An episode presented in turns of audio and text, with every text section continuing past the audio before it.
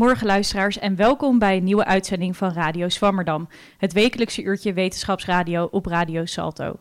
Wie de muziek van het herkende, en dat zullen er velen zijn, als de themesong van Indiana Jones, kan het onderwerp misschien al wel raden. Vandaag gaan we het hebben over archeologie. Deze discipline bleek wat ondervertegenwoordigd in ons programma. In de afgelopen zeven jaar kwam ze slechts in één uitzending aan bod. Genoeg reden dus om eens voorbij onze associaties met mummies, piramides, verborgen schatten en booby traps te gaan en het komende uur over de archeologische wetenschap te praten. Mijn naam is Bobby Uilen en mijn gasten van vandaag zijn niet Harrison Ford en Sean Connery, maar wel twee echte archeologen, namelijk Menno Hoogland en Rachel Schats, beide verbonden aan de Universiteit Leiden. Menno is sinds kort officieel met pensioen, maar is nog steeds gastonderzoeker in Leiden en zit absoluut niet stil. Hij houdt zich als archeoloog bezig met een waslijst aan projecten. Hij is gespecialiseerd in osteoarcheologie en Caribische archeologie. Die laatste discipline stond nog in de kinderschoenen toen hij er in de jaren 80 aan begon, maar is inmiddels mede dankzij Menno enorm gegroeid en heeft in grote mate bijgedragen aan onze kennis van de geschiedenis van het Caribisch gebied. Welkom Menno. Ja, dankjewel. Rachel is universitair docent Human Osteoarchaeology dat sprak ik niet helemaal goed uit, in Leiden. Uh, naast docent is ze ook onderzoeker, gespecialiseerd in de middeleeuwen. Sinds 2019 is ze bezig met het onderzoeksproject Mapping Medieval Malaria over het voorkomen en de impact van malaria in middeleeuws Nederland. Voor dit project ontving ze een Veni-beurs. Welkom ook, Rachel.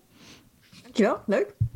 Menno en Rachel hebben veel samengewerkt, onder andere in het Caribisch gebied en bij opgravingen op de Alkmaarse paardenmarkt en bij de Middenbeemster, waar we het later nog over zullen hebben. Daarom is het extra leuk dat ze nu samen bij ons te gast zijn uh, via Zoom, want de coronamaatregelen zijn nog steeds van kracht. Verder zit ik hier met mijn technicus en co-presentator voor vandaag, Henok Desfai. Goedemorgen, Henok. Goedemorgen, Bobby. Henok, leek archeologie jou vroeger ook zo spannend? Ja, absoluut. Absoluut. En, nou, nog steeds. Niet vroeger. ik wil nog steeds beste archeoloog worden. Nee, uh, ik ben er niet heel ver vanaf gekomen. Ik wilde heel graag uh, dat ontdekkingsreizen en naar verre plekken, naar de Caribië, naar het Amazonegebied, om daar restanten van een lang uh, verdwenen beschaving te vinden, leek me helemaal top.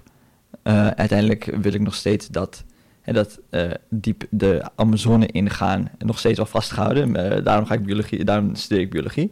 Um, maar inderdaad, dat, dat tegenkomen van verloren werelden, waar je alleen maar je, bijna je verbeelding kan gebruiken om te bedenken hoe ze eruit hebben gezien, ja, dat lijkt me top. Oké, dus voor jou wordt dit ook een, eh, een leuke uitzending, hopelijk. Ja, absoluut. Ik heb heel veel zin in. Uh, Menno, je bent begonnen met culturele antropologie. En hoe ben je dan vanuit daar de archeologie ingerold? Ja, in die tijd, uh, bij de studie culturele antropologie had je twee bijvakken, twee grote bijvakken ik denk van elk een half jaar. En als één bijvak had ik gekozen prehistorie. Dat was vroeger de naam van archeologie. Er was een speciale uh, interfaculteit prehistorie in Leiden. En het andere bijvak was fysische antropologie. Wat we tegenwoordig osteoarcheologie noemen. En uh, beide bijvakken vond ik eigenlijk leuker dan antropologie zelf. Dus ik ben daarmee verder gegaan. Maar dat was toen dus nog helemaal geen eigen, eigen studie op zichzelf? Jawel, ja. Er was een uh, interfaculteit uh, prehistorie en dan kon je dus afstuderen in de, in de prehistorie. Oh ja. En uh, fysische antropologie werd gegeven door een docent bij anatomie bij het, het LUMC. Vroeger was het Academisch Ziekenhuis Leiden, dus de opleiding voor geneeskunde. En het was een bijzonder inspirerende docent en een no-nonsense uh, ja, benadering van de fysische antropologie had hij. Uh, we hebben gegraven in, uh, in een paar kerken in Leiden toen er centrale verwarming en vloerverwarming werd aangelegd. En toen kwam ik in aanraking met de opgraving van menselijke resten. En ik vond het dermate interessant dat ik dacht van ja, dit is iets, iets om verder uit te bouwen. Ja, En Rachel, jij bent wel echt begonnen met een uh, bachelorstudie archeologie gelijk. Was jij daarin geïnspireerd door Indiana Jones en andere heldhaftige uh, verhalen? En uh, zoals Hen ook zei, spannende visioenen van verborgen samenlevingen? Nou, nou, niet direct. Ik, ik ben archeologie gaan studeren omdat ik geschiedenis heel leuk vond. En dan het met name het geschiedenis dat je krijgt in je eerste jaar. Dus de Romeinen en de Grieken en de Egyptenaren. En dat, vond ik ontzettend spannend. En ik, wilde eigenlijk ook wel graag wat, wat reizen. Ehm, maar zo'n gap year, dat leek me dan weer niks. Dus ik denk, nou, ik probeer dat gewoon te combineren in een studie. dus ik ging inderdaad archeologie studeren. En dan hoopte ik dat ik daar dus ook wel wat mee kon, eh, kon gaan reizen. Nou, dat is op zich uh, goed gelukt. Ik zal wel eerlijk zeggen, ik ging dus wel echt archeologie studeren met het idee... ik ga de, de nieuwe Howard Carter worden en de piramides en de nieuwe Tutankhamon uh, ontdekken. Ik was helemaal groot fan van, van de mummies. Maar dat heb ik dus uiteindelijk, uiteindelijk niet gedaan. nee. Nee, de mummies vielen toch een beetje tegen of waren ze allemaal opgegraven? Nou, de mummies eh, vielen op zich niet, niet tegen. Die blijven natuurlijk altijd, altijd spannend. Maar in, tijdens mijn studie kwam ik in het eerste jaar dus in aanraking met ook de Caribische archeologie, waar Menno ja, dus nu al jaren in, in werkt. En dat vond ik eigenlijk, eigenlijk spannender omdat we daar gewoon nog zoveel, zoveel niet van, van, van wisten. Dus toen ben ik die kant opgegaan. Ja, want jullie zijn beide gespecialiseerd in osteoarcheologie. Uh, Rachel, kun je misschien even uitleggen uh, voor de luisteraars wat dat is?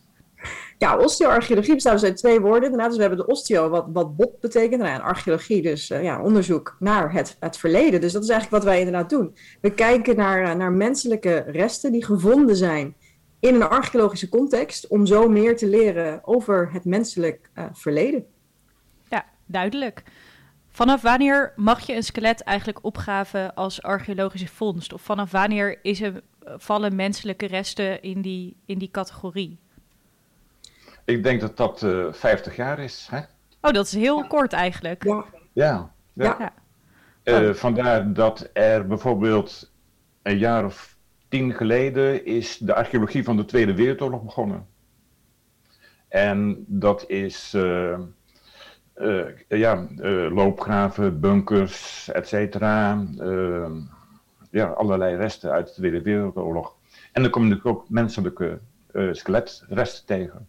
Ja, dus die associatie die veel mensen hebben met archeologie, met echt, echt de oudheid, is dan in die zin ook helemaal niet zo, zo terecht.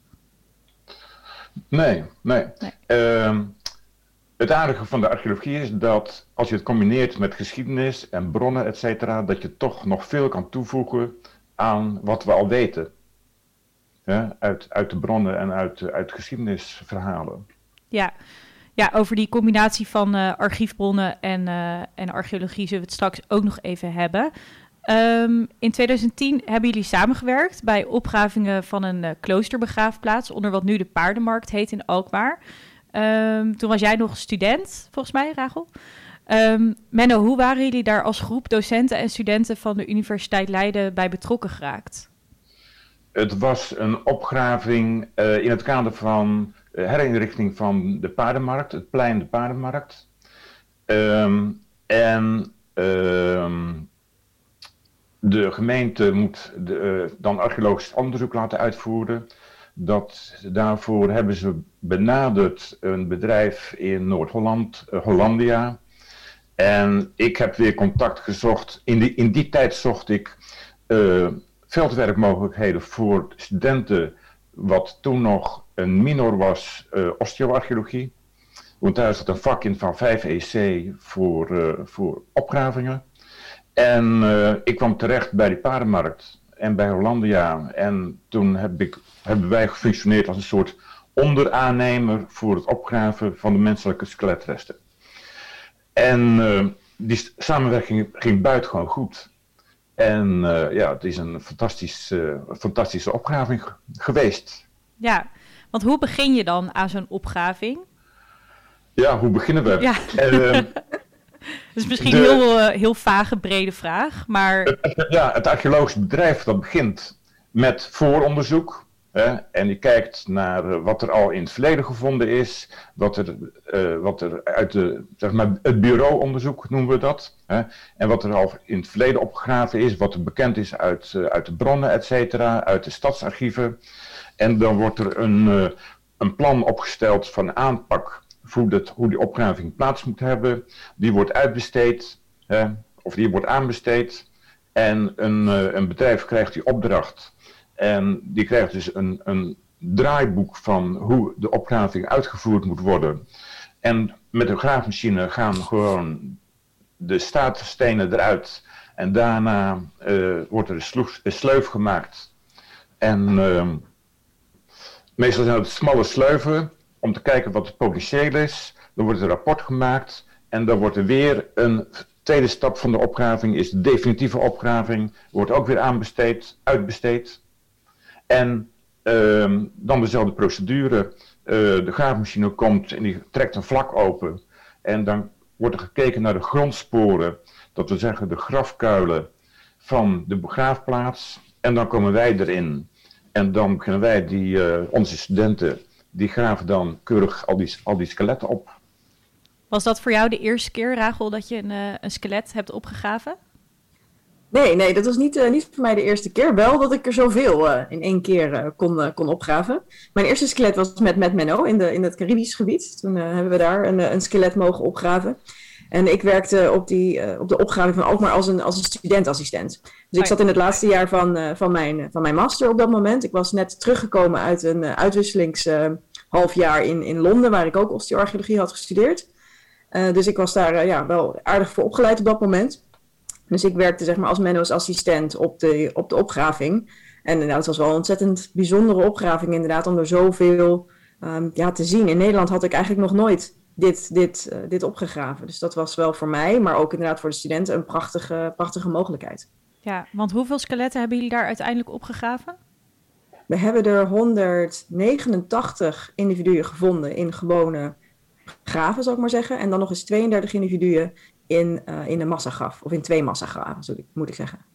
Ja, die massagraven waren een beetje een verrassing, toch, voor jullie? Want jullie wisten dat het een begraafplaats was, maar die ja, massagraven nee, waren nog niet duidelijk.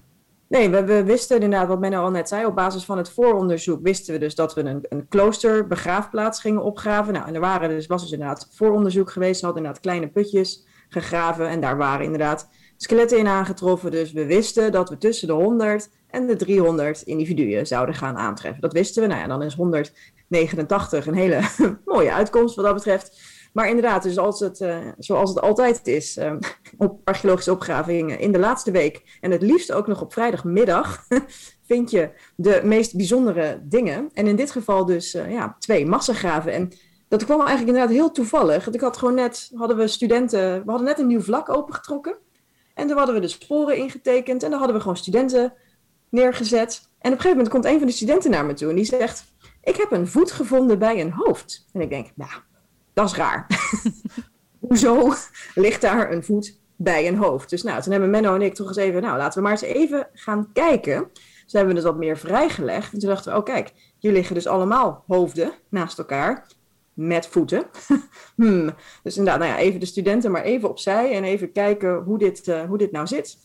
En dat bleken toen inderdaad dus twee, twee massagraven te zijn, waarvan we absoluut inderdaad niet wisten dat ze er waren. En vooralsnog hebben we ook nog steeds geen referenties daarnaar kunnen vinden in, de, in de historische bronnen van, uh, van Alkmaar. Dus we, ja, niemand wist dat ze, er, dat ze er waren.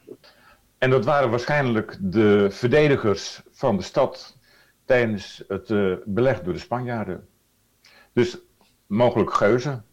Ja, en hoe komen jullie daar dan, hoe zijn jullie daar dan achter gekomen uh, dat dat waarschijnlijk de historische context was van die massagraven als er verder helemaal geen bronnen van waren? We hebben inderdaad dus wel wat historisch onderzoek uh, gedaan. En hier hebben we natuurlijk ook direct contact gezocht met de stadsarcheoloog van Alkmaar en de stadsarchivaris van Alkmaar. Die natuurlijk veel beter in de geschiedenis van, van zo'n stad zitten dan, op dan wij op, op dat moment. Uh, toen hebben we natuurlijk goed gekeken van, nou ja, wat zou dit nou uh, kunnen zijn? Wat ook hielp, was dat we voor de identificatie, we vonden kogels in het graf. Um, en Menno heeft toen ook contact opgenomen met een expert op het gebied van militaria. En bleek toen inderdaad dat dit waarschijnlijk uit de periode van het beleg van Alkmaar, dat dat heel goed zou passen. Nou ja, dan weten we natuurlijk dat Alkmaar in 1573 belegerd is. Um, dus dan een soort van 1 en 1 is 2 in dit geval. En is het het meest waarschijnlijk uh, dat dus inderdaad deze massagraven daarmee, uh, daarmee verband hielden. Ja.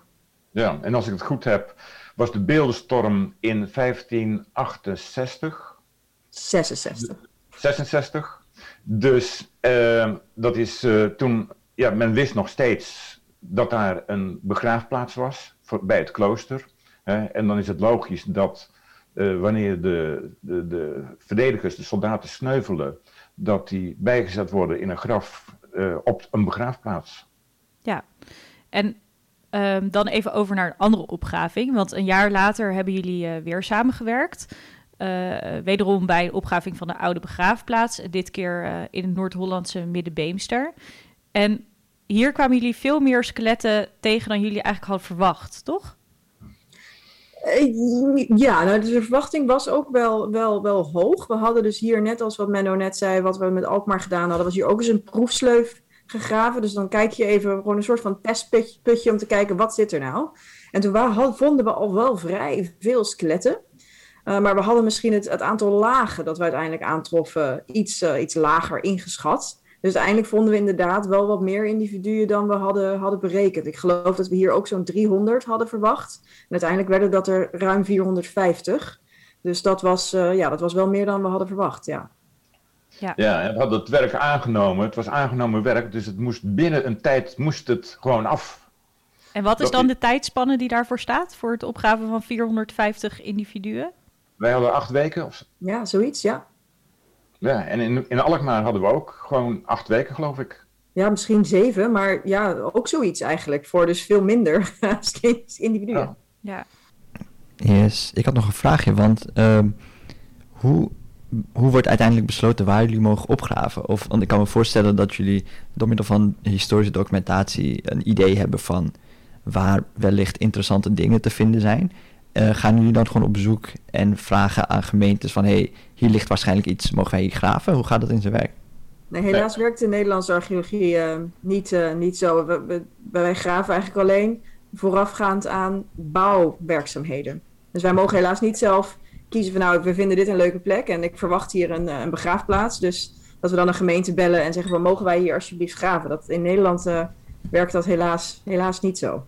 Nee, dus ook als jullie, dus uh, stel er wordt ergens gebouwd, is het dan wel zo dat jullie wel pas gaan graven als er historische context is voor een mogelijkheid dat daar iets te vinden is? Of is het in principe gewoon elke kans pakken en uh, hopen dat je iets vindt? Nee, het is. Uh, altijd wordt er een soort wordt er vooronderzoek gedaan. En dat is of historisch onderzoek, hè, als het in de historische periode valt, of er wordt ehm, ja, op basis van de geologie van Nederland kan je al zien waar mogelijke vestigingsplaatsen zijn van prehistorische bewoning. Mm en er wordt er, uh, veel wordt er nu geboord, want met hulp van een boring kan je toch een aardig beeld krijgen van de, het gebruik van het landschap in het verleden. En uh, als dat booronderzoek positief is, wordt er vaak weer een proefsleuven of een proefputonderzoek gedaan en dan, om dat te bevestigen. En dan heb je een inschatting van het potentieel wat er ligt en in welke mate het verstoord gaat worden door de ontwikkeling, door de bebouwing of door een aanleg van een tunnel, et cetera. Uh, en dan wordt er besloten van oké, er moet er zoveel opgegraven worden. Of we kunnen het, het plan van, uh, de, voor de constructie aanpassen. Hè, waardoor het, het cultureel erfgoed bewaard blijft. Hè. Dat wordt dan weg ondergesield onder een laag grond. Hè. Dus er zijn allerlei opties. Maar in Nederland is het alleen maar... Uh, bij verstoring mag er onderzoek plaats hebben. Uh, in het Caribisch gebied waar wij werken en waar Rachel ook meegewerkt heeft, daar ligt het vaak wat anders. Want daar mag je ook onderzoek doen, zeg maar, wat helemaal ja, totaal onderzoeksgericht is. dus zeg je van nou, we weten van die periode en van, van dat gebied weten we weinig hè, en daar willen we meer van afweten. En we denken dat op die en die manier te kunnen aanpakken, overleg met de autoriteiten en dan krijg je een vergunning om daar onderzoek te gaan doen. Ja, dus jullie zijn eigenlijk heel afhankelijk bijna van projectontwikkelaars in jullie opgravingen? In Nederland 100 procent. Ja. En in het buitenland, ehm, in het Caribisch gebied waar wij werken, ehm, is dat voor 50%. En is Nederland daarin uh, een beetje representatief voor andere Europese landen? Ja. Ja, ja het, is, uh, het, staat, het staat in de wet. Um, als er verstoord wordt, moet er eerst archeologisch uh, onderzoek plaatsvinden. En dat, is, dat geldt ook voor andere landen in Europa. Dus in dat, op dat, in dat opzicht zijn we inderdaad ja, een beetje afhankelijk van wat er, wat er gebouwd wordt. En dat, dat zien we dus ook. Als er niet zoveel gebouwd wordt, dan neemt de vraag naar archeologisch onderzoek ook af. Ja. Nou, gelukkig weer uh, veel, veel plannen voor nieuwbouw de laatste tijd. um, nog even terug naar, uh, naar Middenbeemster, want daar hebben jullie dus uh, 450 ongeveer skeletten gevonden. Waar zijn die nu allemaal? Oh, die zijn bij ons. Ja. Die liggen bij jou thuis, Rachel. Ja, die, ik heb een enorme loods hier staan. Ja. Nee, die, die liggen inderdaad op de, op de faculteit de archeologie van de Universiteit Leiden. Daar hebben wij een, een hele mooie opslag speciaal voor, voor, deze, voor deze resten. Uh, ze liggen heel netjes in hun, in hun, eigen, in hun eigen doos, uh, per persoon, netjes op opgraving gesorteerd. Uh, dus de, daar zijn de, de individuen van Middenbeemster op het moment. Ja. Net als de individuen van Alkmaar, overigens. Ja. Oh ja. Want wat doen jullie met al die skeletten als ze zijn opgegraven? Dus in, ten eerste ga je ze netjes neerleggen, netjes ja, inpakken, of hoe zeg je dat? en dan ga je ze allemaal individueel onderzoeken of pik je er een paar uit? Nou, dat is een klein beetje afhankelijk van ook wat er dus uh, ja, bedacht wordt voor het plan van aanpak, wat dan op uh, geschreven wordt. Maar idealiter wordt inderdaad elke persoon, elke persoon die we opgraven, wordt individueel bekeken en helemaal onderzocht. En wat dat inhoudt is dat we inderdaad dus de persoon opgraven, nou, nemen we het mee uit het veld. Dan zal eerst deze persoon gewassen worden en zorgen dat we uh, de botten allemaal schoon hebben en goed kunnen zien wat wat is. En dan gaan we inderdaad in het laboratorium, dus vaak in, in de Universiteit Leiden, bekijken, nou ja, wat hebben we nu eigenlijk? Wat mist er? Waarom misten er dingen? Is dat interessant? Dan gaan we proberen geslacht en leeftijd te, te bepalen als het een volwassen individu uh, betreft. We kijken ook naar de lichaamslengte, kunnen we daar iets over zeggen? En dan kijken we ook of we eventuele sporen van, uh, van ziektes in het, uh, in het skelet kunnen, kunnen, kunnen zien. En zo bekijken we dus elke persoon in wat wij noemen een archeologische populatie. Om zo dus iets te kunnen zeggen over die bepaalde populatie. Zien we bijvoorbeeld dat er meer mannen dan vrouwen zijn? Zien we heel veel kinderen in die populatie? Zien we bepaalde ziektes die dan heel veel voorkomen? Of bepaalde ziektes die juist helemaal niet voorkomen? En wat zegt dat dan over die groep mensen? En hoe kunnen we daar iets zeggen over die tijdsperiode? Ja, eigenlijk is het, zeg, bestaat het uit twee delen. Dus als wij commercieel opgraven, dan moeten we een rapport indienen voor de, het bedrijf wat de opgraving heeft gedaan. en dat is inderdaad uh, leeftijd, geslacht, pathologie, uh, bijzondere dingen die zo opvallen, et cetera. Ja, dan is het in feite, in dat onderdeel is afgesloten. Dan blijft het bij ons in het depot, en uh, binnen de faculteit hebben we specialisten, hebben we mensen die naar isotopen kijken, uh, we zijn mensen die geïnteresseerd zijn in DNA, in, in allerlei bijzondere studies. Hè? En dan blijft die collectie blijft beschikbaar voor, ja, voor eigen onderzoek vanuit het eigen lab, hè? maar ook andere specialisten die we binnen de faculteit of binnen de universiteit hebben. Ja, dus het is een enorme bron van kennis eigenlijk voor allemaal verschillende disciplines. Ja, dus inderdaad het basisrapport, of eigenlijk de basisinformatie van die persoon. En dat moet ook al vrij snel, dat moet binnen twee jaar na de opgraving moet dat ook, ook bekend zijn en gepubliceerd. Nou, dat hebben we inderdaad ook, ook opgeleverd. En nu hebben we inderdaad deze personen nog.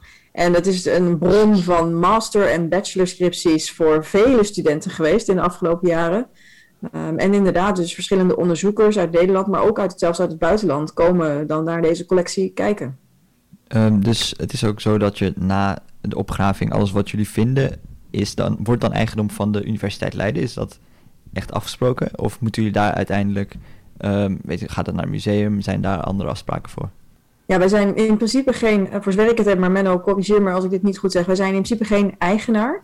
Uh, meestal de gemeentes of de provincie waarbinnen de resten gevonden zijn, die nemen als het ware dat, uh, dat over. Uh, alleen wij hebben vaak dan collecties in, in bruikleen. En die bruiklenen kunnen dan echt meerdere jaren beslaan. Dus voor Alkmaar hebben we deze bruikleen voor Middenbeemster ook. En maar we hebben bijvoorbeeld ook nog andere collecties uit, uit Zeeland en uit, uit Zwolle en uit Eindhoven. En voor deze collecties hebben wij allemaal bruikleenovereenkomsten. Dus wij zijn geen, geen eigenaar, maar wij krijgen deze collecties om onderzoek aan te doen. Ja, want het Provinciaal Archeologisch Depot is verantwoordelijk voor het beheer van alle archeologische vondsten uit de provincie. En die is in feite de eigenaar. Oké. Ja, we komen straks nog even terug uh, op de opgraving bij Binnenbeefster. Maar jullie hebben natuurlijk ook jullie eigen onderzoeken gedaan. Uh, dus uh, laten we daar ook even over hebben. Om te beginnen bij Menno. jij hebt in 1980 onderzoek gedaan naar Nederlandse walvisvaarders. Hoe kwam je in, dit, in deze niche terecht?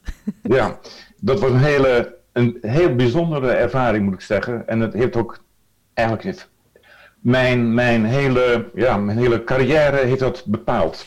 Uh, met de docent uh, anatomie van het, uh, van het uh, academisch ziekenhuis, het nu het LUMC, ehm, heb, hebben wij ons aangemeld bij een opgraving van um, het Centrum Groningen en de, de UvA, dus de Universiteit van Amsterdam, naar het walvisvaartstation Smeerburg. Waar ligt Smeerburg? Smeerburg ligt op Spitsbergen, dus dat is een van de eilanden ver in het noorden. Hè. Het ligt, uh, Smeerburg ligt bijna op 80 graden noordenbreedte, dus 10 graden van de Noordpool af.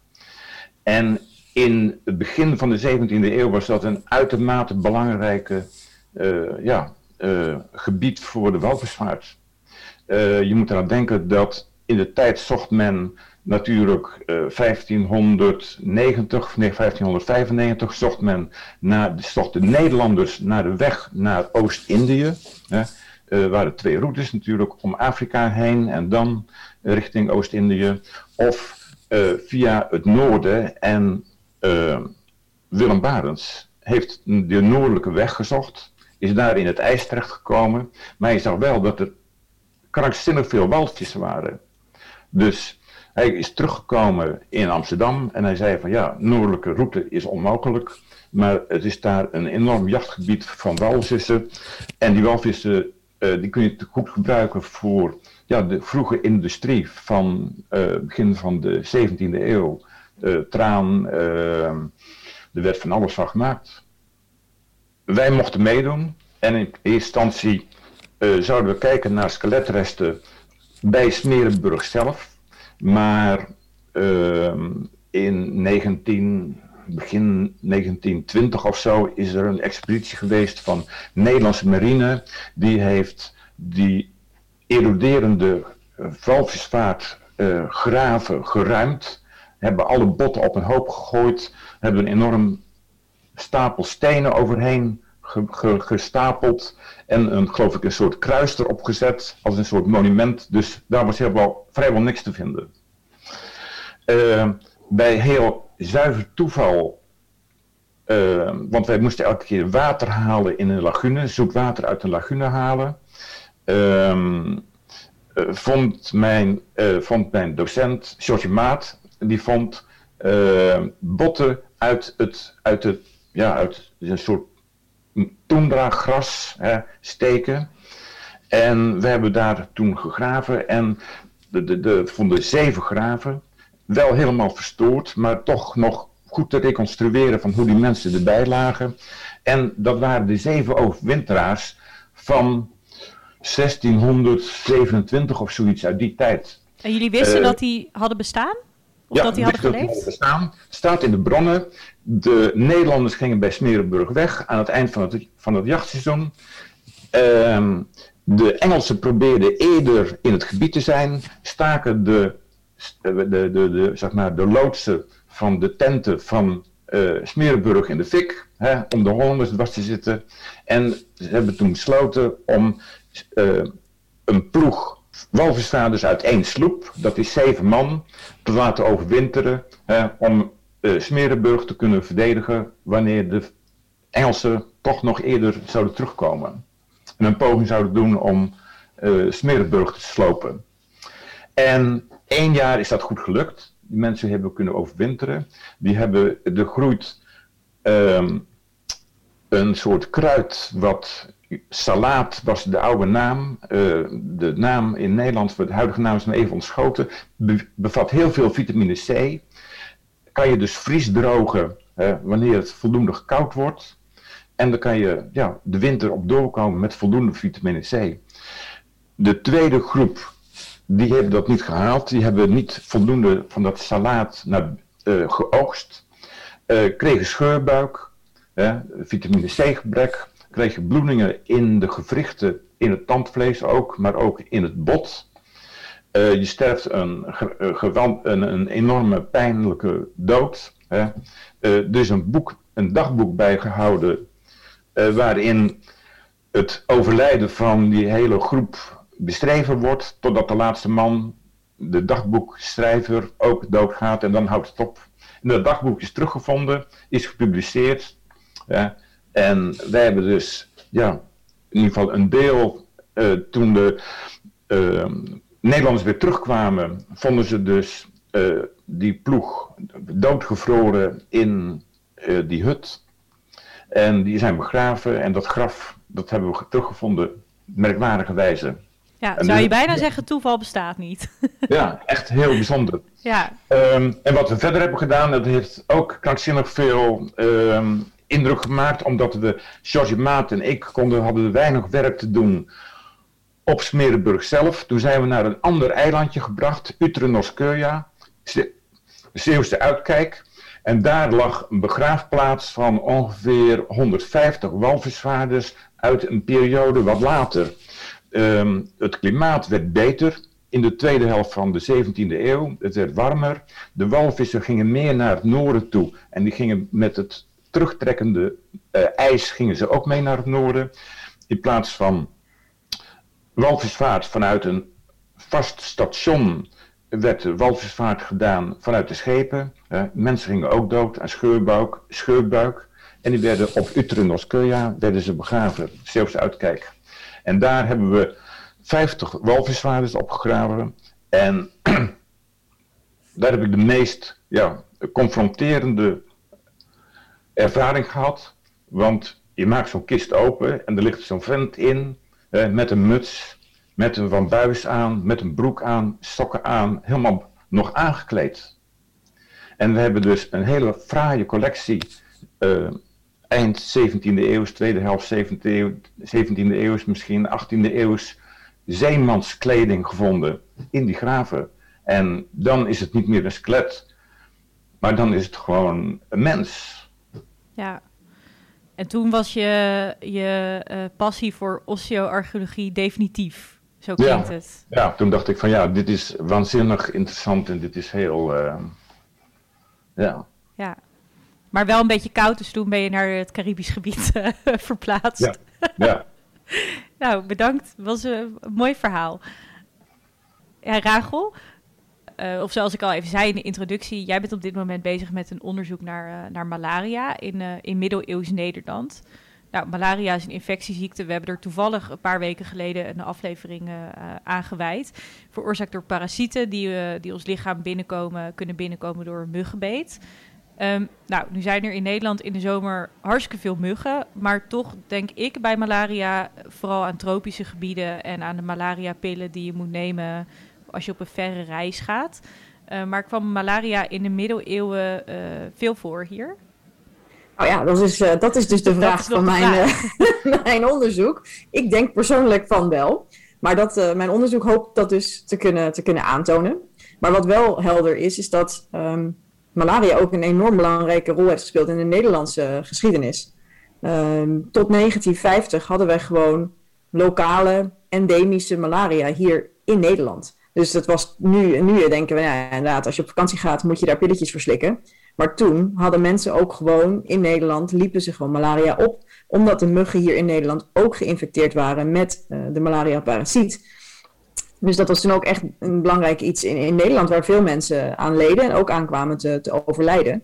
En we weten dit eigenlijk wel soort van vanaf de 17e eeuw. Vanaf de 17e eeuw zien we dan bronnen opkomen waarin eh, die typische koortsen worden, worden beschreven. Dus je hebt uh, bij malaria hele karakteristieke koortsen die de één dag ontzettend heftig zijn en dan verdwijnen ze weer en dan komen ze weer terug.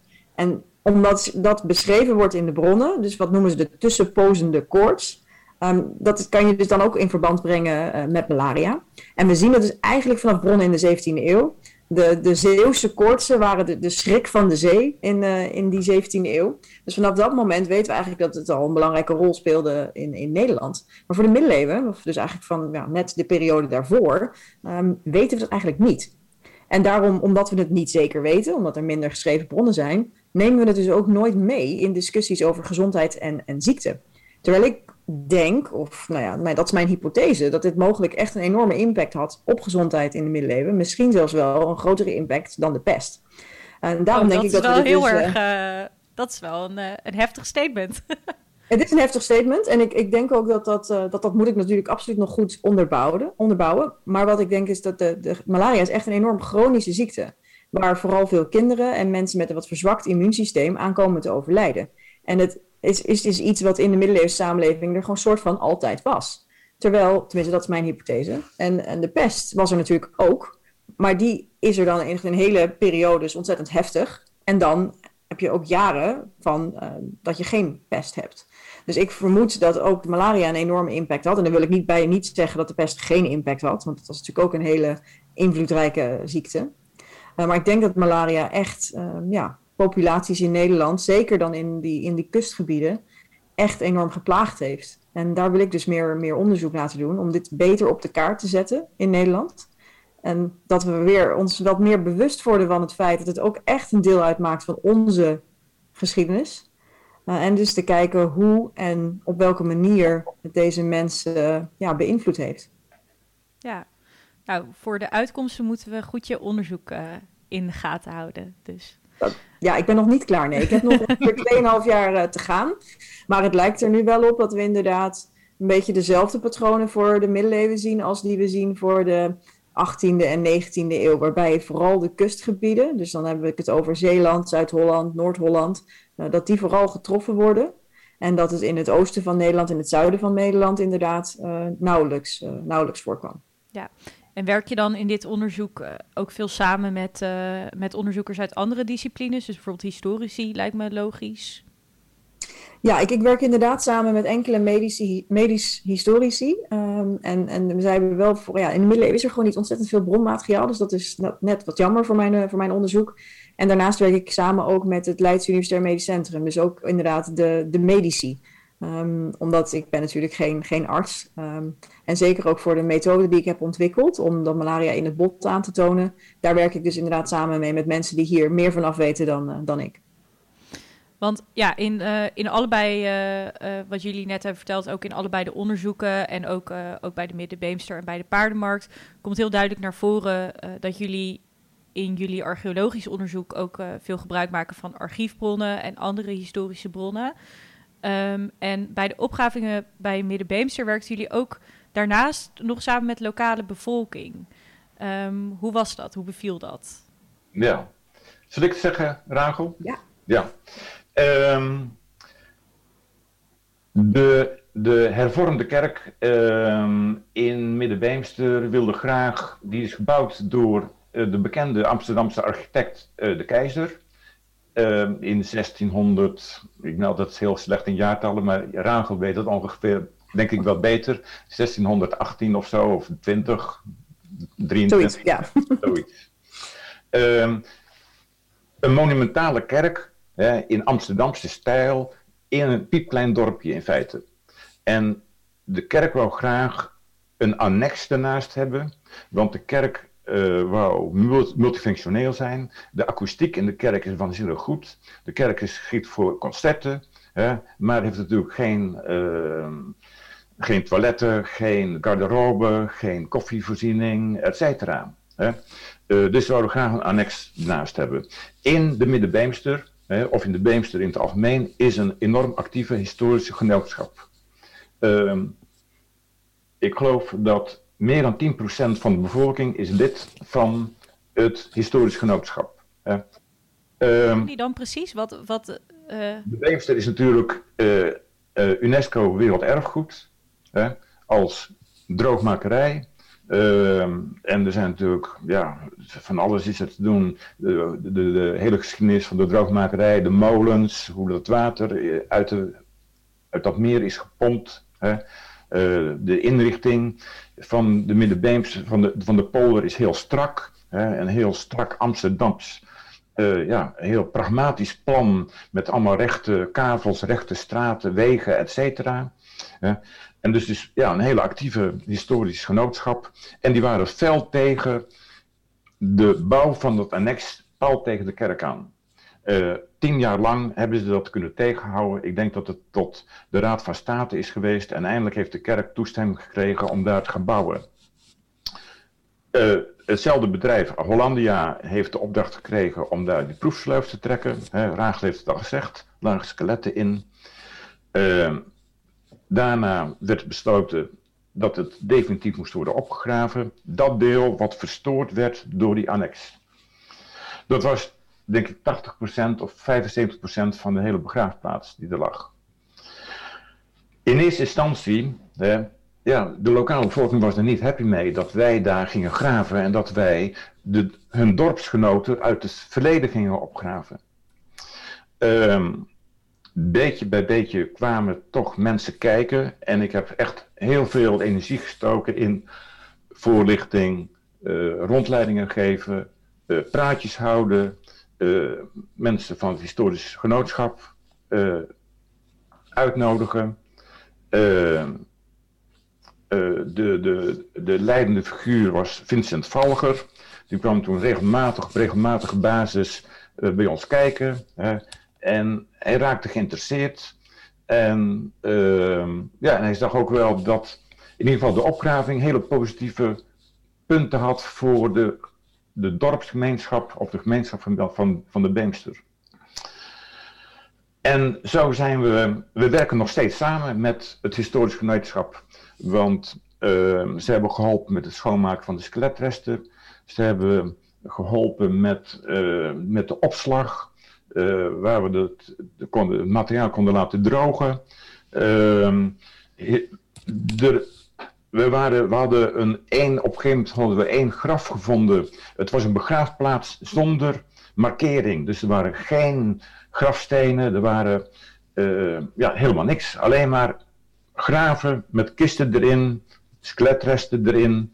En daaronder lag nog eentje, en daaronder lag nog eentje, en daaronder lag er nog eentje. Soms wel vier, vijf dik. Totdat we een skelet, een kist vonden en daar stond op hier ligt begraven Dirk Olij, uh, oud, 86 jaar en vier maanden geloof ik. Uh, en dan en dan overleden op die datum, ergens in maart in 1800 zoveel, 18 mm, in de 40 denk ik. Um, en toen vroegen we, hé, hey, maar nu weten we van één persoon wie het is. Hè? Maar is er dan geen archiefmateriaal waar we eh, zeg maar, meer identificaties van die graven kunnen, van die begraven personen kunnen doen? En Vincent die zei, jawel, dat is er, dat ligt gewoon in het archief van Purmerend. En dat hebben we erbij gehaald. Uh, toen konden we zien van, kijk, die Dirk Olij ligt hier begraven. Hè? Dus het graf daarnaast moest van die zijn en het graf daarnaast moest van die familie zijn, et cetera. En op de legger stonden 680 namen met alle, alle data erbij van begraven, uh, de leeftijd, et cetera. En zo zijn we maar doorgegaan en doorgegaan met archiefonderzoek. Uh, het historisch genootschap, Vincent en zijn, zijn collega's van het genootschap, die zijn nog steeds bezig. Uh, we weten nu werkelijk alles. Het, de wetgeving is naar de Franse tijd veranderd. De kerk was niet meer verantwoordelijk voor het begraven van de doden in de gemeente, maar het werd de gemeente zelf. Uh, dat stuk uh, begraafplaats wat wij hebben opgegraven, dat is duidelijk de begraafplaats van de gemeente. Die hebben dat gekocht in 1826. En het gaat van 1827 tot 1868. Ja, dus eerst was er een beetje spanning tussen jullie, maar uiteindelijk was het een heel vruchtbare samenwerking. Ja, ja. Ja, En ehm, eh, ook omdat het een vrij kleine tijdspanne is waarin de gemeente dat graf, dat, dat die kerkhof heeft gebruikt, hè, na 1868 hebben ze een nieuw kerkhof buiten de dorpskern in gebruik genomen. Hè. Ehm, ja, weten we razend veel. Eh, ze hebben uitgezocht waar ze wonen, hoeveel belastingen ze betalen, hoeveel mensen in het huishouden er zijn, wat de, ehm, de, de, het beroep is van die mensen. Ehm, hoe vaak ze verhuizen, eh, waar ze vandaan komen, met wie ze getrouwd zijn, hoeveel kinderen ze hebben, hoeveel kinderen ook overleden zijn. Eh, nou ja, het is echt. We hebben. Ik denk dat we twee hele dikke boeken kunnen schrijven over het osteoarcheologisch onderzoek hè, en al het archiefmateriaal. Ehm, voor we overgaan naar het laatste deel van de uitzending, wil ik graag met jullie luisteren naar de column van deze week. Die is geschreven en ingesproken door onze vaste columnist eh, Milan Teunissen van Manen. Milan is naast eh, onze columnist paleo-ecoloog en kunstenaar. En ze introduceert de column zelf. Dus ik geef graag het vooraf opgenomen woord nu eh, aan Milan. Mijn column van vandaag uh, heeft een beetje een introductie nodig, omdat het nogal een uh, ludieke actie is misschien. Um, toen ik hoorde dat uh, de uitzending van vandaag zou gaan over um, archeologisch onderzoek en onderzoek van botten specifiek, en dat het onderzoek gedaan was door wetenschappers aan de Universiteit van Leiden. Toen moest ik meteen denken aan een liedje van de Leidse zanger Jaap Visser. Uh, van vroeger. Uh, hij heeft een liedje geschreven dat heet Het Kerkhof. Ik kan heel erg aanraden om het liedje te gaan uh, beluisteren. hij is volgens mij op allerlei plekken te vinden.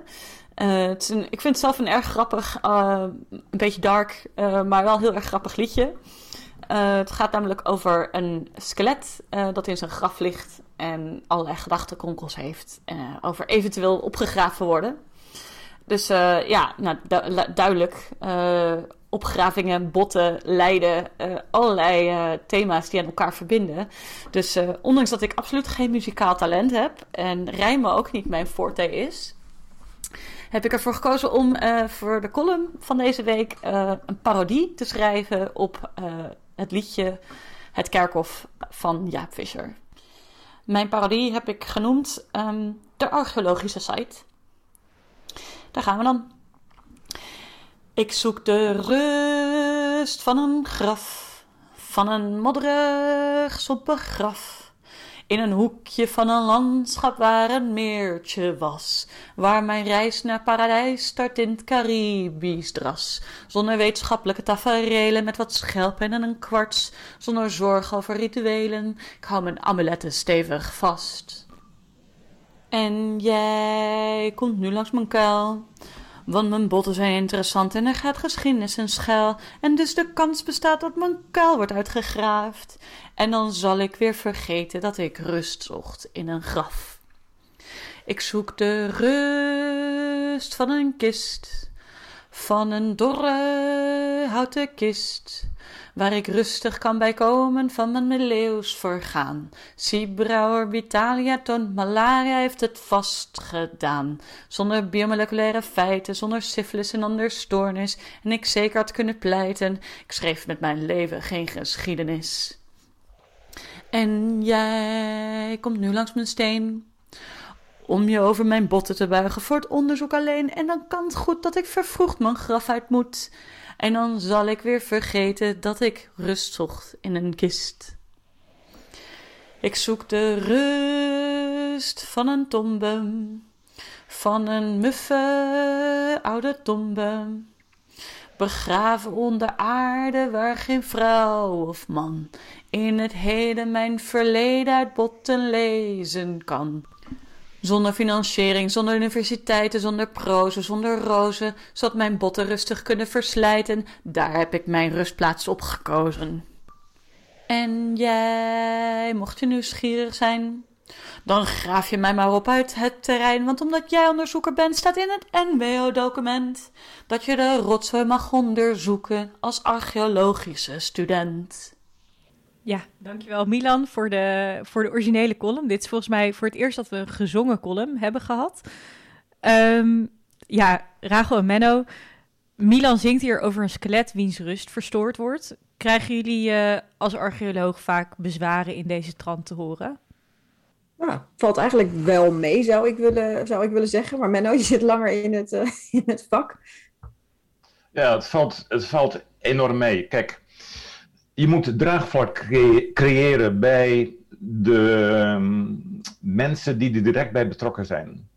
En ja, als je dat weet te bereiken, uh, draagvlak voor het onderzoek. Hè, en als je dat weet te bereiken, dan is het geen, geen probleem. Uh, ik voel me wel eens bezwaard. Hè? Uh, bijvoorbeeld die, die walvisvaarders op uh, Zeeuwse Uitkijk. Hè? Ja, die hebben een heel zwaar leven gehad. ja, en dan voelt het op een gegeven moment wel, ook omdat ze zo heel persoonlijk aanwezig zijn, de, van de 50 walvisvaarders hadden er 30 een gebreide muts op. Hè? Waarschijnlijk gebreid door hun dochters of hun vrouwen. Hè? En dan, ja, dan voelt het wel uh, ja, dat je toch iets aan het verstoren bent. Ja, want menselijke resten hebben natuurlijk wel echt een speciale status ten opzichte van, uh, van andere objecten die onder de grond liggen. Rachel, hoe ga jij daarmee om in je werk? Nee, absoluut. Kijk, het, het zijn, wij, wij, kijken, we hebben het voorrecht, zou ik willen zeggen, om te kijken naar, naar mensen die, die ooit, ooit geleefd hebben en om hun, van hun botten uh, te leren. En ja, we, we, we, verstoren in zoverre hun, hun graf. Maar in Nederland is het dus alleen als er uh, ja, al verstoring gepland zou, zou zijn. Uh, dus ik zou niet willen zeggen dat wij ze nou redden van de ondergang of iets dergelijks. Maar wij zorgen wel dat, we ze, dat ze met respect behandeld worden. We dragen heel veel zorg voor de, voor de mensen die wij, die wij bekijken.